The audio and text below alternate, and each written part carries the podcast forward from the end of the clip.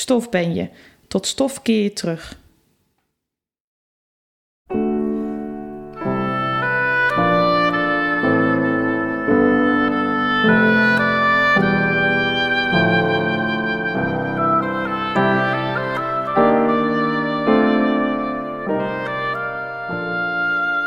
Nou, ik eerst en dan jij, hè? Met de duim, geloof ik. Je even zeggen of je goed zit? recht doen. Ja, je Moeilijk, mag er hoor. nog een keertje zo doen. eh, en nog een keertje erin dopen. Mag Eén keer is één keer. Maar één keer had je iets meer moeten doen. Dan kun jij, het, kun jij het nu goed doen. Zullen we zien. Oh, professional. Ja?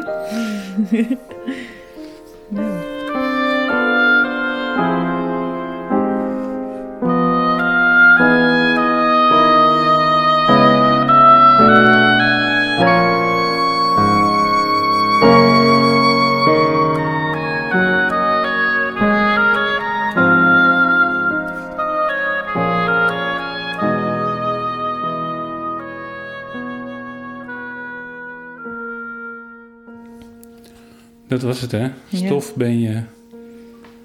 Tot stof keer je terug. En dat stof zit nu op ons voorhoofd.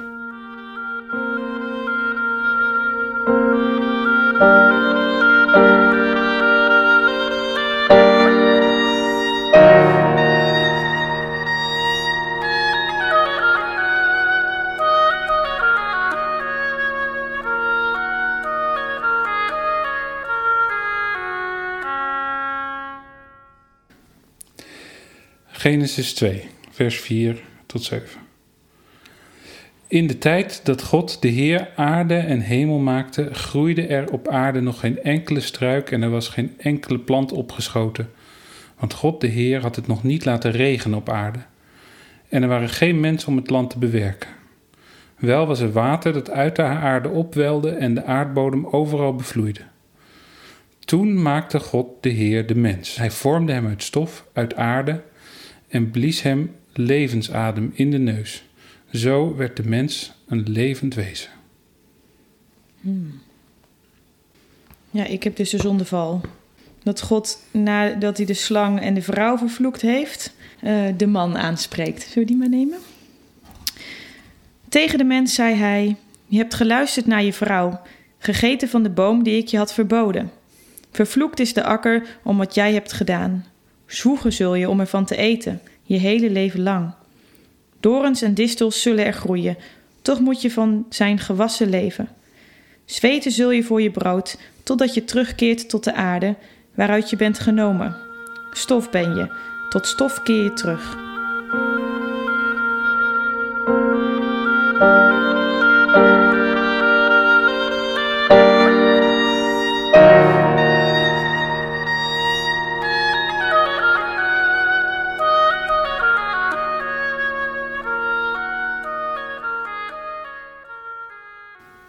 Tot stof keer je terug. En dat stof zit nu op ons voorhoofd. Lekker idee. In ja. een kruis. Het is als woensdag. ja, laten we daar beginnen. Dit is de dag om een askruisje te halen. En wij mogen het als professionals niet eens bij elkaar Nee, op het voorhoofd aanbrengen. Nu hebben we het zo gedaan. ja. En daar zitten we dan met onze sterfelijkheid. Ja, zoiets hè, met je sterfelijkheid, je vergankelijkheid, je memento mori. Gedenk te sterven.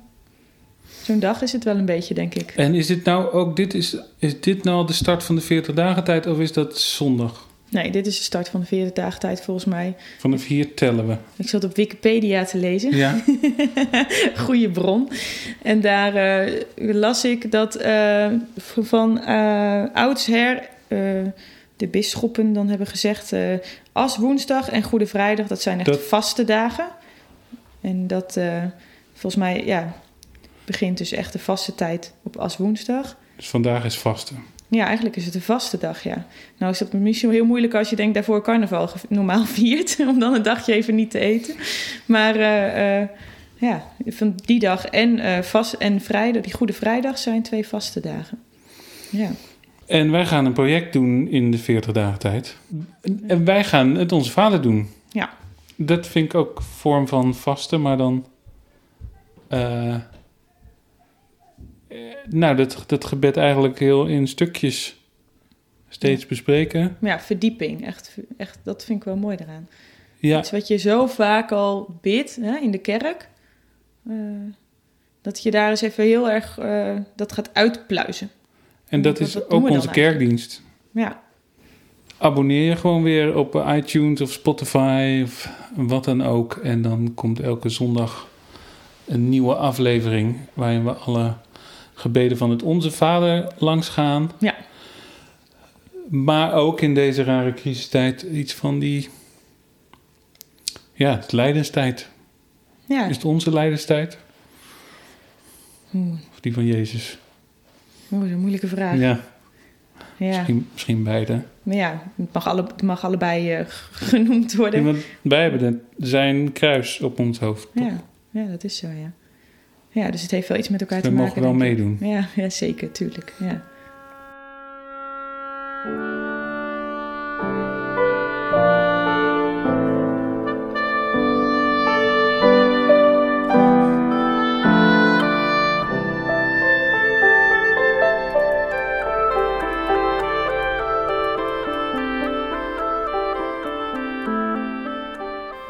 Heb jij iets met de 40 dagen tijd, Tom? Hmm. Nou ja, steeds meer, denk ik. Ik zoek altijd naar een vorm om daar iets mee te doen. Mhm. Voor jezelf bedoel je? Ja, dus dan zou het ook vaste tijd zijn of misschien niet drinken, maar daar heb ik al niet zo heel veel problemen mee. Nou ja. Niet roken zou een veel moeilijker. ja, dat zou een Zijn. goede zijn, ja. Je moet het ook niet te moeilijk maken. Dat is niet goed. Nee. En, maar ja, ik, ik beschouw deze hele crisis al als een soort 40 dagen tijd. Ja, een sobere tijd en een zoekende tijd. En ik heb altijd wel veel met dat, ik bedoel, de 40, de 40 dagen van Jezus in de woestijn, maar ook de 40 jaar van het volk in de woestijn, Mhm. daar heb ik toch wel veel mee. Dat ronddolende, niet zeker weten waar je nou op weg bent, maar vol goede moed. Maar af en toe nog terug verlangen naar de slavernij toen alles zo lekker duidelijk was. ja. Daar kan ik me wel in vinden. En doe je daar dan e- eh, ook echt iets mee in die tijd? Of is het vooral dat je het idee mooi vindt? Nou, ik, dat vind ik het moeilijk aan mijn werk. Want je bent in, op de zondagen ben je er heel erg mee aan het voorbereiden. En mede doordat je dat aan het doen bent, is het veel moeilijker om het in je eigen leven, laat staan met je gezin, ook vorm te geven. Maar wie weet ben jij er veel handiger in. Nee, denk ik. nee ik, ik vraag het ook denk ik een beetje omdat ik het zelf ook soms wel eens lastig vind. Ik vind het wel zoeken. Van hoe kun je nou vorm geven aan die 40 dagen tijd? En dan ben ik wel blij met rituelen als askruisje halen en de stille Ja. week in de kerk, hoe dat wordt eh, gedaan. Want dan ben je veel meer bewuster van de tijd waarin je leeft. Ik hou wel van die rituelen. Maar thuis vind ik wel moeilijk. Ik heb één keer, toen ik tiener was, een keer eh, eh, echt alleen maar de gewone maaltijden gegeten en niks tussendoor. Nou, dat vond ik echt heel zwaar. dat vond ik het, het is gelukt, maar ik, ik vond het geen pretje. Ja, dat moet misschien ook. Maar ik heb wel een beetje moeite mee met nu in deze tijd om dan te zeggen eh, dat je ergens op gaat vasten. Ik voor mijn gevoel Ja. vasten we al een jaar op contact met elkaar, op eh, weet ik veel wat allemaal, eh, op vrijheid, ja, Dat, aanraking. dat gevoel heb ik ook. En, ik, Ja. en ik, ik hoop dat het met Pasen, dat het dan, ehm, ja, dat dachten we vorig dat we jaar ook, iets van de opstanding mogen voelen. Maar, Ja, maar dat, dat kunnen we alleen maar hopen. ja. De Evangelische Broedergemeente heeft altijd wel elk jaar de vaste maaltijden. Oh ja. eh, sobere maaltijden. Maar mijn gevoel is ook, we zijn al veel meer aan het vasten in ja. andere dingen. En ook nog een beetje tegen wil en dank. Ja, dus ik weet ook niet zo goed of ik mensen zou willen oproepen om echt te gaan vasten. Ik zou nu ook denk ik eerder het vasten willen omdraaien of zo. Dat je niet zozeer eh, gaat focussen op wat je niet doet in deze tijd, maar op wat je juist wel doet. Je hebt ook wel eens mensen die bijvoorbeeld extra aandacht aan bepaalde Ja. dingen gaan geven in de 40 dagen tijd. Dat vind ik voor Dat deze tijd misschien beetje, wel de meest positieve vorm van vasten. Misschien is dat, heb ik dat ook wel. Dat ik liever wil zoeken naar wat wel, wat meer. Waar Ja. wil ik meer van? Ik wil Ja. niet meer schermtijd. Nee. nee. Ik wil niet meer Facebook. Of Ik WhatsApp. wil, Eh, dus natuurlijk social media vasten zou ook, dat zou, is altijd goed. Maar dat is wel ultiem in deze tijd om dan ook nog al je digitale dingen... door te snijden. Dan heb je helemaal geen contact meer. eh,